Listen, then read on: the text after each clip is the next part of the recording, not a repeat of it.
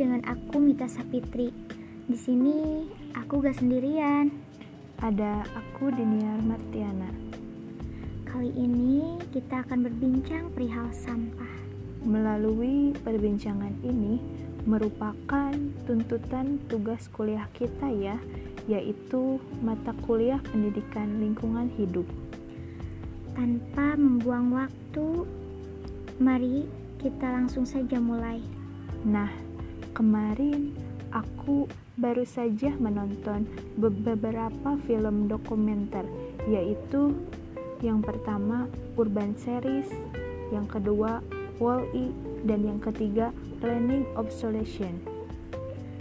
Aku senang, sangat senang sekali dengan video tersebut karena dapat memotivasi kita agar tidak membuang sampah sembarangan. Iya benar, dan kita harus bisa mendaur ulang kembali sampah-sampah tersebut. Ada pesan yang dapat aku ambil dari film tersebut, yaitu kita bisa meminimalisir sampah agar tidak menumpuk dan harus membuang sampah pada tempatnya, serta kita harus bisa memisahkan antara sampah organik dan non-organik. Dari ketiga video tersebut, aku menjadi tahu istilah-istilah baru yang didapat dari film tersebut, yaitu limbah medis. Menurut Wikipedia, limbah medis merupakan hasil buangan dari suatu aktivitas medis. Limbah medis itu harus sesegera mungkin diolah setelah dihasilkan dan penyimpanan menjadi pilihan terakhir jika limbah tidak dapat langsung diolah. Faktor penting dalam penyimpanan limbah medis yaitu dengan melengkapi tempat penyimpanan agar dapat menutup, menjaga area penyimpanan limbah medis agar tidak tercampur dengan limbah non-medis, membatasi akses lokasi, dan pemilihan tempat yang tepat.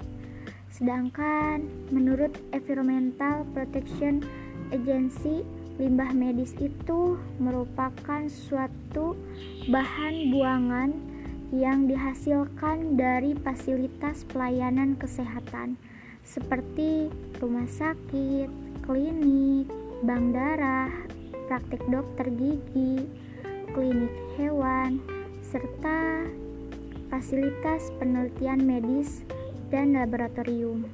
Sedangkan menurut aku, istilah baru dari film tersebut yaitu ada dua.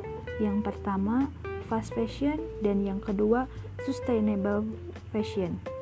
Yang pertama, menurut Sri Fadilah Utama, Utami, fast fashion menjadi salah satu penyebab terbesar polusi limbah fashion yang dapat merusak lingkungan, seperti polusi air, tanah yang dapat menyebabkan perubahan iklim. Sedangkan yang kedua, menurut Mardiana, sustainable fashion adalah sistem pola pikir bertanggung jawab yang mempertimbangkan dampak lingkungan, sosial, dan ekonomi pada keseluruhan daur hidup produk mulai dari tahap praproduksi, proses produksi, distribusi, dan pasca produksinya. Manusia dan alam itu sangat bergantungan, serta teknologi menjadi kehancuran bagi sebuah alam, dan manusia dengan sifat manusia yang sangat konsumtif terhadap sumber daya alam pada akhirnya, perbuatan manusialah sendiri yang membuat dampak negatif terhadap alam. Dalam budaya di Indonesia, jika dikaitkan dengan film Wall-E, manusia tidak perlu lagi menggunakan kakinya untuk berjalan. Misalnya, jika manusia ingin berbelanja sesuatu, sekarang manusia hanya tinggal duduk manis saja dan tinggal menggunakan gadgetnya. Aku menemukan jurnal yang penulisnya yaitu Krab tahun 2016 bahwa pola pengembangan sampah di Indonesia di antaranya dengan pembentukan bank sampah, peningkatan daur ulang, pembuatan kompas dari sampah organik, yang merupakan bentuk penerapan manajemen penerapan ekosentris di mana bentuk tersebut tidak hanya memutuskan perhatian pada dampak pencemaran pada manusia, tetapi juga pada kehidupan secara keseluruhan. Lalu, aku juga menemukan jurnal yang berjudul Upaya Mengurangi Timbulan Sampah Plastik di Lingkungan karangan Pramiatit pada tahun 2016 yaitu bahwa permasalahan sampah di Indonesia merupakan masalah yang belum terselesaikan hingga saat ini. Sementara itu, bertambahnya jumlah penduduk maka akan mengikuti pula bertambahnya volume timbulnya sampah yang dihasilkan dari aktivitas manusia. Permasalahan sampah plastik tersebut apabila semakin banyak jumlahnya di lingkungan maka akan berpotensi mencemari lingkungan. Mengingat bahwa sifat plastik tidak akan terurai di tanah dalam waktu lebih dari 20 tahun, bahkan dapat mencapai ratusan tahun hingga dapat menurunkan kesuburan tanah dan di perairan akan sulit terurai. Pesan yang terkandung dalam film tersebut yaitu film Planning of Solution lingkungan hidup yang baik tidak hanya ditinjau dari kemampuan manusia yang dapat mewujudkan keinginannya untuk memenuhi kebutuhan pokoknya, melainkan kemampuan manusia yang mempunyai peran dalam memelihara keseimbangan ekologisnya agar tetap terjaga.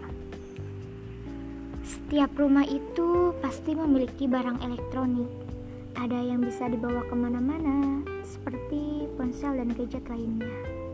Tetapi ada juga barang elektronik yang mengisi dan tersimpan di rumah, yaitu seperti televisi, kulkas, mesin cuci, dan lain sebagainya. Ketika barang-barang ini mengalami kerusakan dan tidak bisa diperbaiki, apa yang biasanya kalian lakukan? Jika Anda membuangnya, perhatikan cara yang tepat untuk membuangnya sebab barang elektronik rusak yang menjadi sampah atau limbah elektronik ternyata sangat berbahaya bagi masyarakat. Beberapa komponen peralatan listrik dan elektronik bekas maupun limbahnya membutuhkan pengelolaan yang memenuhi syarat karena mengandung bahan berbahaya dan beracun. Jadi, sampah teknologi dapat didaur ulang kembali dengan cara diperbaiki sehingga dapat digunakan kembali atau bisa juga diperjualbelikan dengan harga sewajarnya. Maka dari itu, kita sebagai manusia yang bijak berperan penting untuk bumi ke depannya. Jadi, jagalah bumi kita dengan cerdas. Hmm, sebelumnya Terima kasih telah mendengarkan. Maaf kalau ada kata-kata yang kurang berkenan dan tidak bermanfaat.